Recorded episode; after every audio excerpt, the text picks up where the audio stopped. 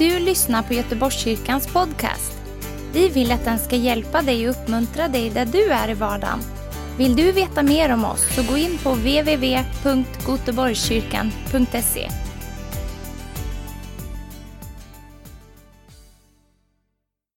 Så härligt att få börja med sån här lovsång och, och tacksägelse. Jag är så eh, eh tacksam för så många olika saker. Eh, och, eh, och det är just tacksamhet som jag kommer att lyfta idag. Så, eh, och jag tror också att det här kan vara som en, en nyckel eller som en, en grund eller fundament för resten av ditt liv.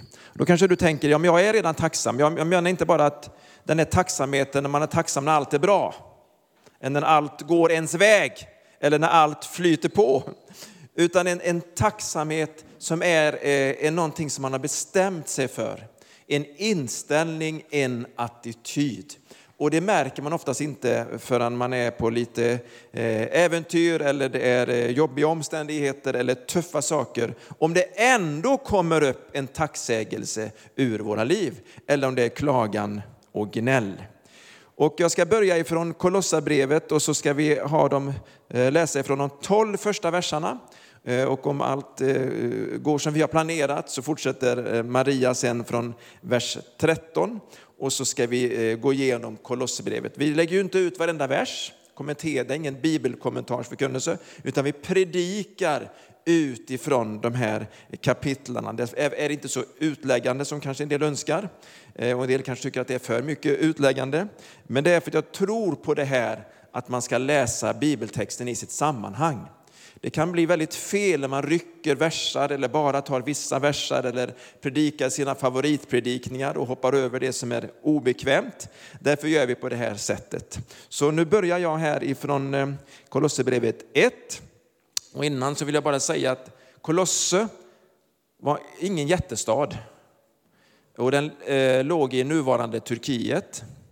Eh, långt väster om Efesos och jag tror till och med om man skulle ta idag så skulle det bli söder om Istanbul där Istanbul ligger idag.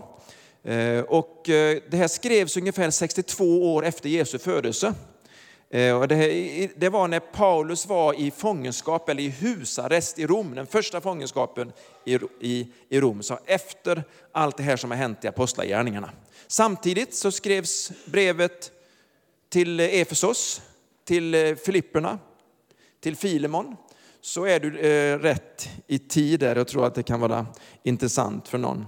Och för att förstå varför Paulus angriper vissa saker så beror det på att det smög in läror. Eller som vi skulle kanske säga idag, ismer. Det, vet, det finns så mycket ismer, eh, lärosystem eh, som inte är från den helige ande, som inte är bibliska, som inte är sanna, som kan vara väldigt förvirrande. Och vi är mer påverkande, påverkade av de här lärorna, tankebyggnaderna, än vad vi tror. Det är inte förrän någon konfronterar det här som vi förstår, oj, är det därför jag tänker så? Så eh, en eh, av de här eh, uppfattningarna som rådde, det var ju gnosticismen. Det tas inte upp så mycket här, men gnosticismen handlar, om man ska göra det väldigt kortfattat, att man trodde att all materia var ond. Då var också kroppen ond. Och det blev så att gnosticismerna tänkte att det är bara det andliga som är gott. Så bara man liksom har anden levande så kan man synda i sitt kött med sin kropp. Och det blir ju jättekonstigt. Och man, man skiljer så mycket mellan själ och ande. Därför så är det inte helt korrekt att säga, eh, som eh, många eh, kristna säger, att jag är en ande, jag bor i en kropp och jag har en själ. Bibeln säger att vi är en helhet, att man inte kan separera det, utan vi är ande, kropp och själ och det hör ihop. Så eh, gnosticismen vill skilja det här åt, ungefär som ja, men det är andligt och det är kötsligt och, och, och så vidare. Eh, men vi är ande, själ och kropp. Men så var det också asketism. Och det är ni, de flesta känner bara till fakirer som ligger på, på spikmattor. Men eh, det var, handlade om att man, man på något sätt skulle övervinna eh, det onda genom att plåga sig själv. Och då, eh, en extrem asketism, då får man inte njuta. Så den extreme eh, asketen, eh, och det smög sig in i eh, det kristna äktenskapet, då fick man ha sex, men man fick inte njuta. Man fick äta god mat, men man fick inte njuta av den, vilket gjorde att man inte åt god mat. Man skulle helst inte skratta, och det fick ju inte vara roligt. Så ni förstår att asketismen är ju ingenting som så många här inne uppskattar så mycket. Men det finns där och det kan komma där när det kommer liksom en, en andlighet som gör att man vill vara extrem. Då fastar man inte för att ödmjuka sig inför Gud, man fastar för att plåga sig själv. Och ibland är det så att man vill straffa sig själv för att man har gjort så mycket ont. Och så på något sätt så tror man att om jag gör det så blir jag lite godare. Alltså, det fungerar inte så. Gud har gett oss känslor. Gud har gett oss förmågan att känna, eh, att njuta, att få behållning, att ha roligt. Så ni kan säga halleluja nu. Och jag säga tack gode Gud för alla fall för att det, att det är sant. Att jag får ha roligt, jag får njuta, jag får liksom ha det. Men ni får inte ta makten över mig och det är en annan sak. Det är inte begäret som styr våra liv och vi ska inte ha så mycket omsorg om det jordiska eller njutningen så att begären väcks. Utan det, det, det handlar om disciplin, inte om asketism. Sen var det också naturligtvis humanism. Det var människan var i centrum. Det är väldigt starkt rådande i, i vårt eget land. Jag har ju till och med gått humanistisk linje. Kanske inte var så mycket, var mer som ett namn, men då är inte Kristus i centrum, utan det är människan. Hur stark människan är, hur bra människan är. Men Kolosserbrevet lyfter fram att Jesus är den förnämste. Det är preeminensen hos Kristus. Han har den fulla auktoriteten, den fulla makten, den fulla härligheten, den fulla godheten. Den finns i Kristus, den finns inte i människan. Eh, och nu säger de att människan är bara ond. Jag ska säga, människan är Guds eh, avbild. Och med den heliga ande så framträder Kristus i oss. Så det blir så drastiskt när vi säger eh, sådana här saker. Så det, det, det är, eh, sen fanns det också folktro. Och folktro det är liksom sånt som byggs upp av alla möjliga eh, kulturer och religioner och så vidare som ett sammelsurium av det här. Och så folktro exempelvis, det kan vara lite skrock och inte nycklar på bordet och inte liksom, vad är det, vad är det? man ska spotta när man ser en svart katt eller hur är det för någonting? Ja, det finns mycket folktro och grejer och med spindlar och, och att man inte ska döda dem för då regnar det nästa dag. Alltså det, det är folktro och skrock. Men på den tiden så var det mycket eh, folktro och andetro när det gäller änglar. Änglar var de största, trodde många. Och då eftersom eh, Satan var en fallen ängel så kan han få ännu större inflytande i människor. Änglar är inte de stora, utan den store det är Guds son. Det är så Fadern tänkte när han sände sonen och sonen blev upphöjd när han gav sitt liv för oss. Så vem är den preeminente? Vem är den upphöjde? Vem är den? Ja, det här är ju nästan lika bra som i söndagsskolan. Säg vem? Ja, och därför så behöver man plocka upp det igen. Jag tror att vi behöver ha det mer i församlingen. Det får vara mera Jesus i församlingen. Eh, när jag var nyfrälst så sa man inte ens Jesus, så sa man bara s, s, s, Jag gillar inte det. Ungefär som att det ska vara någon slags frikyrkligt eh, eh, liksom smyg-Jesus. Ungefär som s, s. Alltså, vi ska säga Jesus! Ska vi säga det? Jesus! Du är den förnämste! Den högste, Guds son, Gud, Jesus. Halleluja! Ja, det, det var lite eh, bakgrund. Eh, jag tror att jag tog det eh, lite för långt, men det kändes som att det behövdes. Från Paulus genom Guds vilja, Kristi Jesu apostel. Paulus börjar direkt att tala om Guds vilja. Det fanns självutnämnda apostlar. Apostel betyder här en utsänd med auktoritet. Från början en som var utsänd från konungen för att kunna breda ut riket, fick mandat som en eh, general eller som en, eh, eh, vad heter de på havet? En amiral. Men då bredde man ut kungens rike. Då måste man ha, ha kungens sigill, det måste vara kungen som sände ut. Självutnämnt fanns ingen nytta med det. Och så skriver han detta tillsammans med Timoteus och från vår broder Timoteus. Till de heliga i Kolosse. Och då tänker en del när de hör det här, det var en liten grupp i Kolosse, det var de heliga, det var fyra systrar. Nej, så det var alla de troende, alla var avskilda, alla var heliga. Man kallas för saints. Det innebär inte att de var överandliga eller fruktansvärt gudfruktiga om man nu kan säga så, utan det var de troende som kallas för dem, för de var avskilda för Gud. Man hade lämnat världen och levde i eh, den, det heligas gemenskap, avskilda för att tjäna Gud. Och så står det så de troende bröderna i Kristus hälsar. Eh eh, eh, eh, nåd vara med er och frid från Gud vår Fader. Det var till de heliga, till de troende och det var till de som var i Kristus. Vi tackar alltid Gud, vår Herre Jesu Kristi Far, när vi ber för er. Nu kommer det, tacksägelsen. Första versen om tacksägelsen. Man tackade alltid Gud, vår Herre Jesu Kristi Fader, när vi ber för er. Jag vet inte hur du gör när du ber för människor. Du kanske ber, Herre, hjälp den människan att vara lite snällare. Hjälp den människan att göra det. Eller vi ber för olika människor, vi tycker de är jättejobbiga, men vi ska tacka Gud samtidigt som vi ber för människor. Kan bara avslöja det. Ibland händer det att jag tackar Gud för dig. Kändes det bra? Ja, det är inte varje person, men ganska så många. Jag tänker så, så jag tack gode Gud. Ibland kan jag tycka att någon av er är lite jobbig. Jag säger ändå tack gode Gud. Likadant med mina barn. De är inte alltid jätteunderbara eh, och perfekta i sin kommunikation, i sitt beteende. Jag tackar Gud ändå. Visst gör du också det? Det har med en inställning att göra. Jag tackar Gud för mina föräldrar varenda dag. Jag tackar Gud för mat, kläder. Jag tackar till och med för husrum. Du tänker du, har du varit hemlös? Nej, det har jag inte. Men jag är oerhört tacksam för att jag har en plats. Jag tackar Gud för bil förmåga liksom att få åka bil eller köra bil. Det tycker jag är fantastiskt. Jag tackar Gud för så många olika saker jag kan komma på. Det är en väldigt bra början.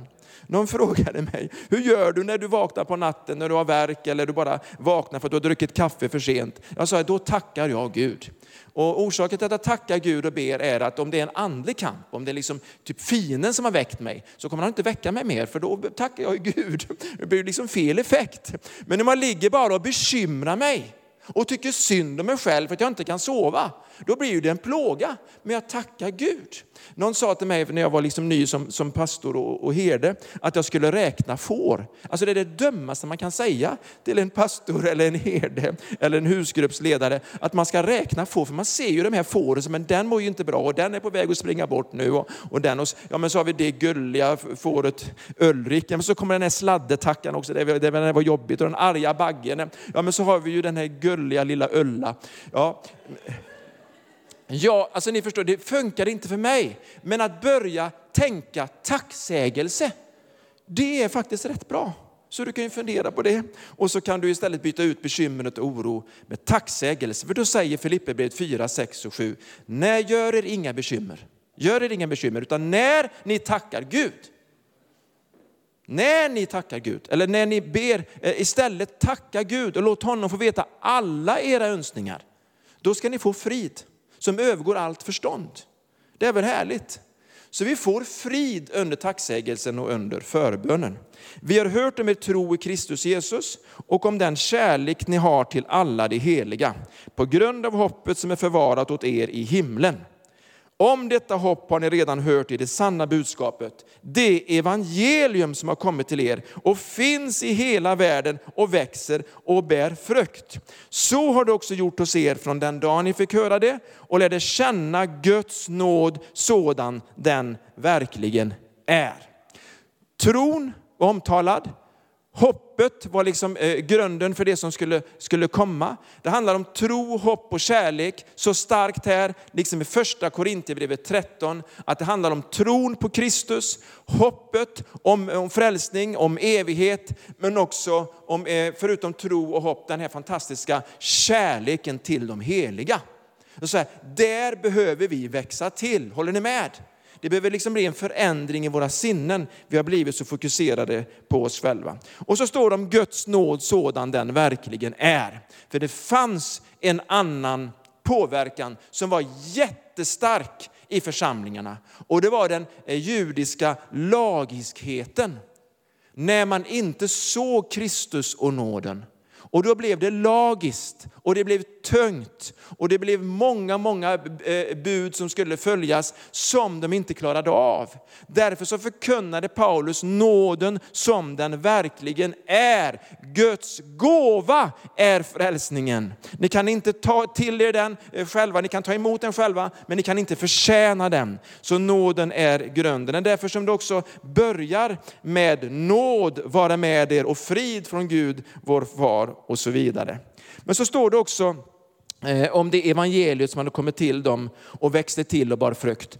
Paulus hade inte varit med och grundat den här församlingen. Och ändå är han så tacksam. Förmodligen hade han inte ens träffat dem. Utan det var någon som hette Epafras. Som man tror var en medarbetare eller en lärjunge till Paulus. En ung vuxen.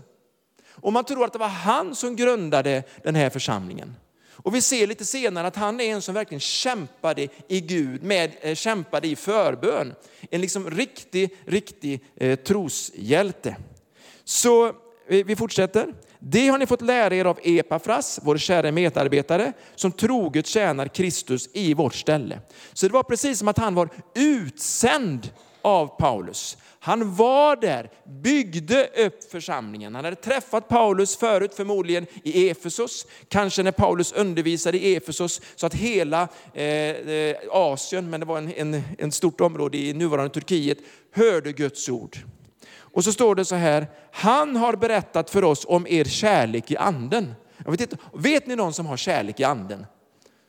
Alltså inte kärlek i sig själv, men kärlek i den heliga. Jag tycker det är jättestarka ord. Att någon kan vara kärlek i anden, alltså det är en utåtriktad, utgivande kärlek. Från den dag vi hörde om det har vi därför inte upphört att be för er. Och vi, vi, vi hör ju här ofta vi ska be för varandra. Hur ber man för någon? Kan jag få ett exempel? Vad är det vanligaste bönämnet? Vi tackar Gud för dem. Paulus skriver i sina brev, tre eller fyra gånger som jag har läst det, just det här. Vår bön är att ni ska uppfyllas av kunskap om hans vilja med all andlig vishet och insikt.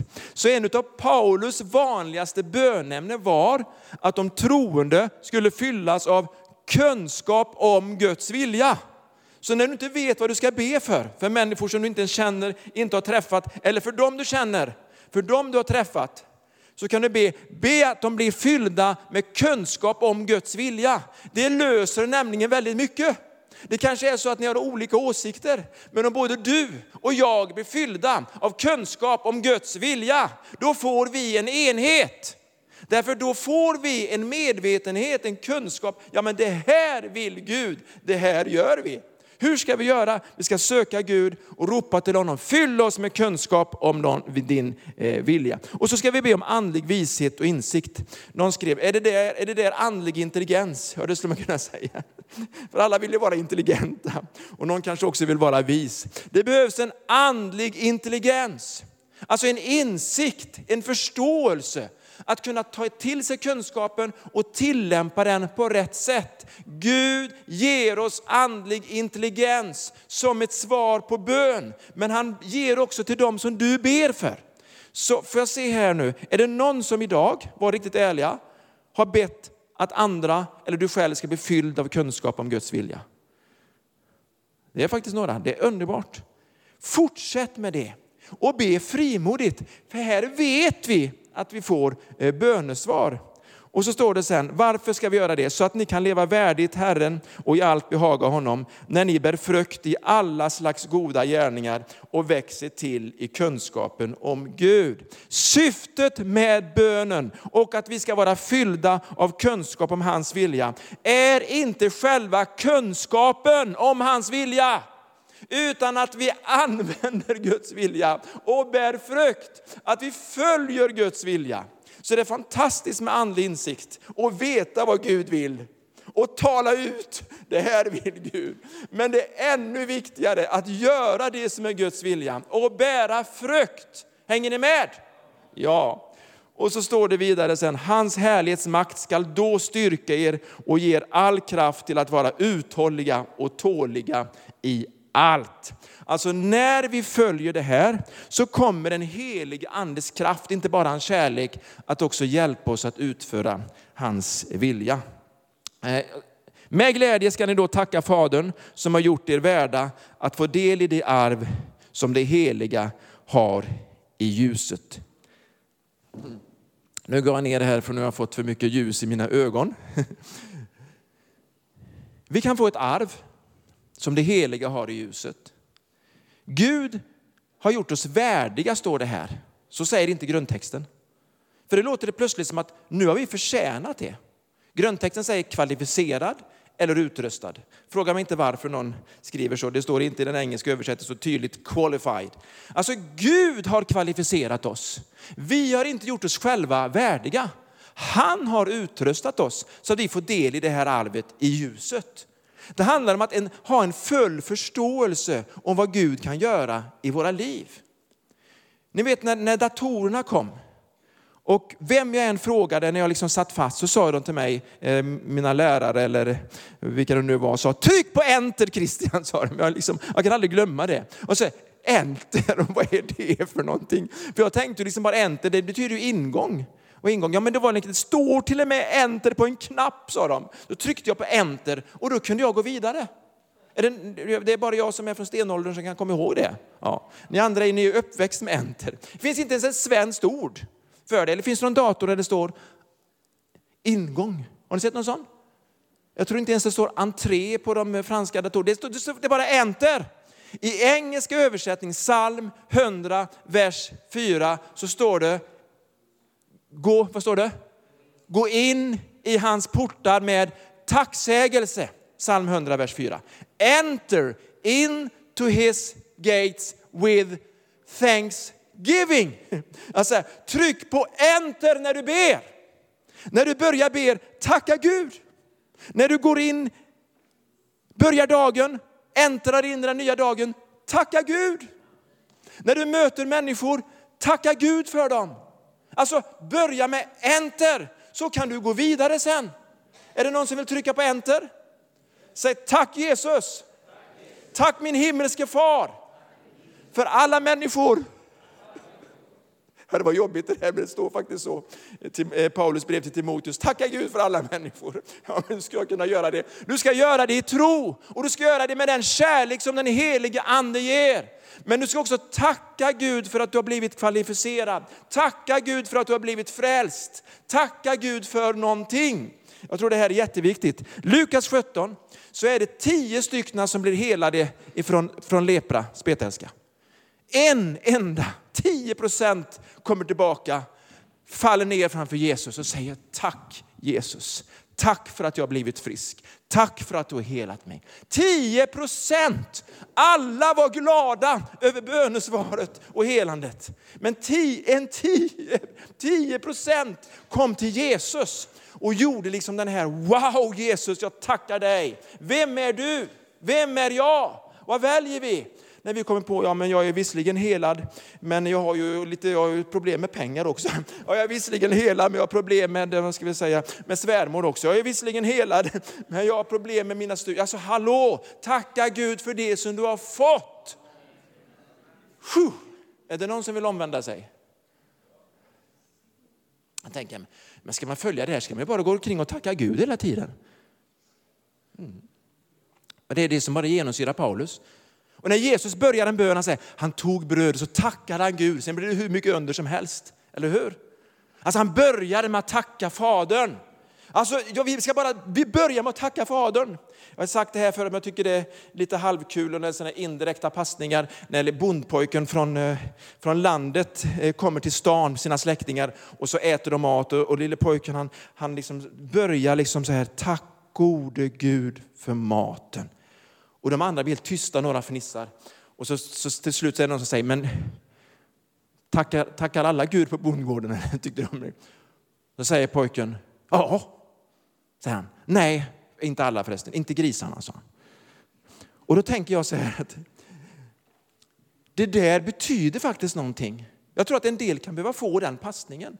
Grisarna tackar inte Gud. Alla har inte den insikten. Det kanske de gör. Jag kanske eh, förtalar stackars grisarna nu. Det kanske är det de gör hela tiden. Men ni förstår vad jag menar. Det kan vara en inställning som jag tackar Gud för maten. Jag tackar Gud för gåvorna. Jag tackar Gud för det som jag har fått. Det är liksom, jag vill vara fylld utav det. Jag vet inte hur det är i ditt eget liv, men jag tror att den där inställningen kan förändra jättemycket. Jag tror till och med att tacksägelsen kan bädda för ett liv i välsignelse, ett liv i glädje och ett liv i frid. Och den här söndagen så ska vi eh, eh, eh, överlåta oss till tacksägelse och vi ska börja tacka Gud för varandra. Och så, så jag, därför ska jag ge dig lite utmaningar. Du ska tacka Gud för minst en jobbig person. Om den personen skulle bli ännu jobbigare så kan jag inte hjälpa dig. Men det, ditt hjärta kommer att förändras till den personen. För det kan vara så att när du möter den personen så är det ett tacksägelseämne och du kan betjäna den och det kan bli en förändring. Du ska tacka Gud för det som du har fått, för det som har varit, för välsignelse i ditt liv. Om du så är tillbaka till du var liten, liten plutt eller plutta. Du ska också tacka Gud för det som är här och nu. För det är någonting som händer när vi tackar Gud. Vi stänger dörren till bitterhet. Vi stänger porten till det som är besvikelse. Och det är så till och med, hör nu, om jag ska citera ifrån Romarbrevet 1. Jag tror det är vers 21. Vi stänger dörren från förvirring och förmörkelse. För där står det att människorna de syndade för de dyrkade skaparen, eh, dyrkade det skapade istället för skaparen. Och så blev de förblind för de, de tackade inte Gud och de prisade inte Gud för att han var Gud.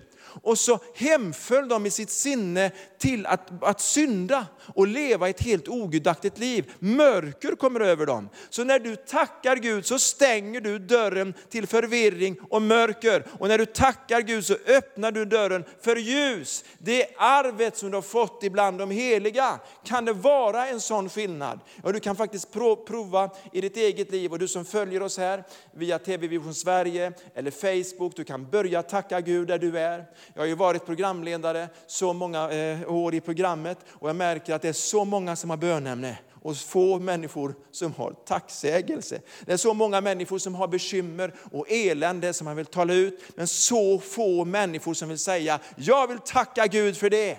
Jag vill tacka Gud för det. Vad skulle hända i våra husgrupper om man liksom startade upp, det vill jag tacka Gud för och det är jag tacksam för. Och den personen ska jag tacka Gud för och det arbetet det ska jag tacka Gud för. Halleluja. Nu står vi upp.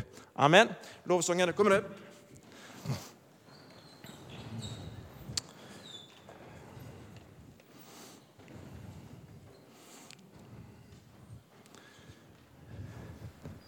Tack Jesus.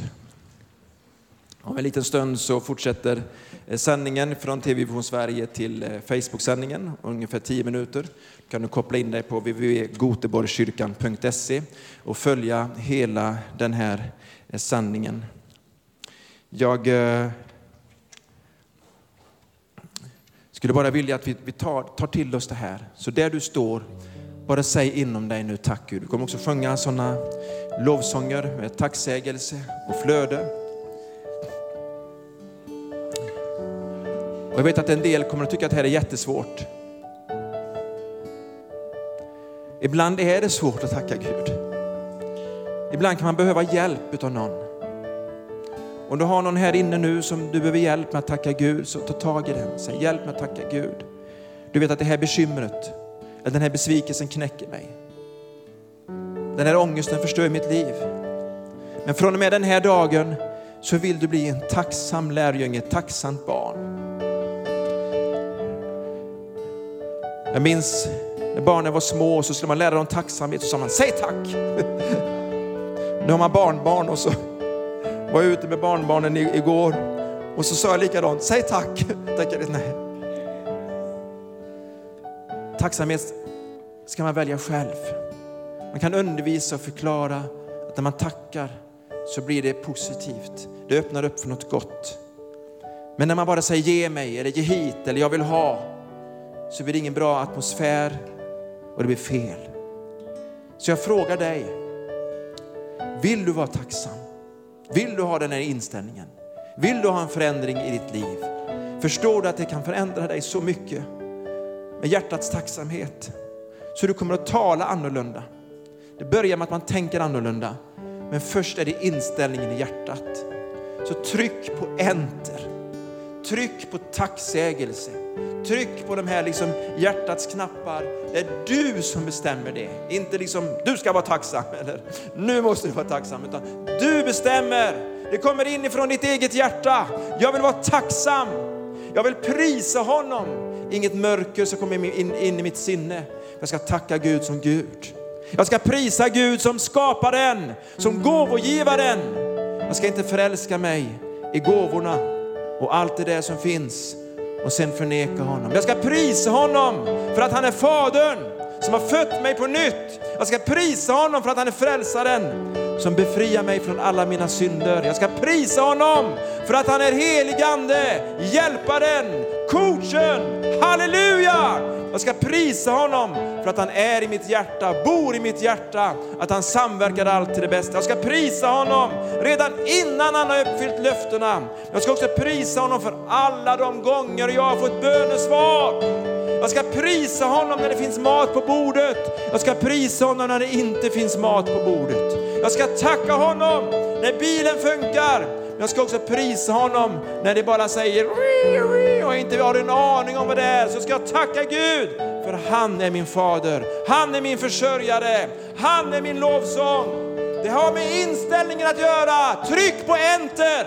Börja tacka honom och lova honom. Halleluja. Tala också ut tacksägelse till andra människor. Kanske är några som du bara ska skriva ett tack till.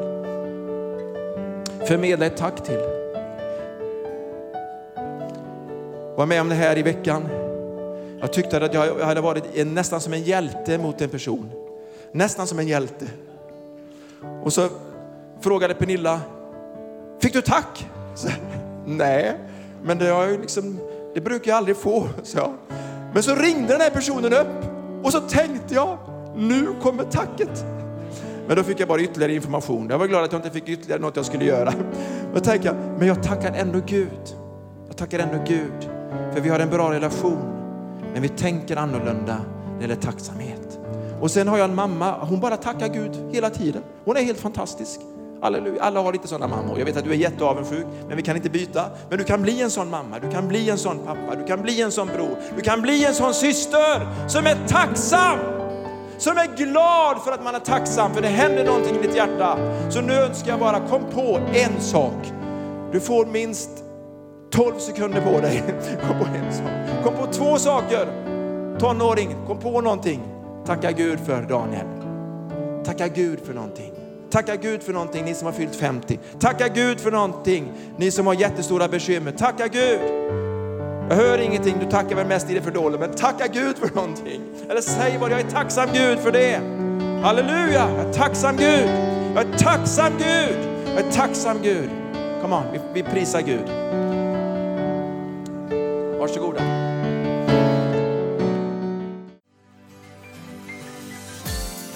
Tack för att du har lyssnat. Dela gärna podden med dina vänner och glöm inte prenumerera. Om du har frågor eller vill att vi ska be för något så mejla oss på info På söndagar har vi veckans höjdpunkt. Då firar vi gudstjänst tillsammans och det vore så kul att träffa dig där. Men vi har även samlingar för barn då? Gå in på vår hemsida goteborgkyrkan.se så får du veta mer. Välkommen till oss!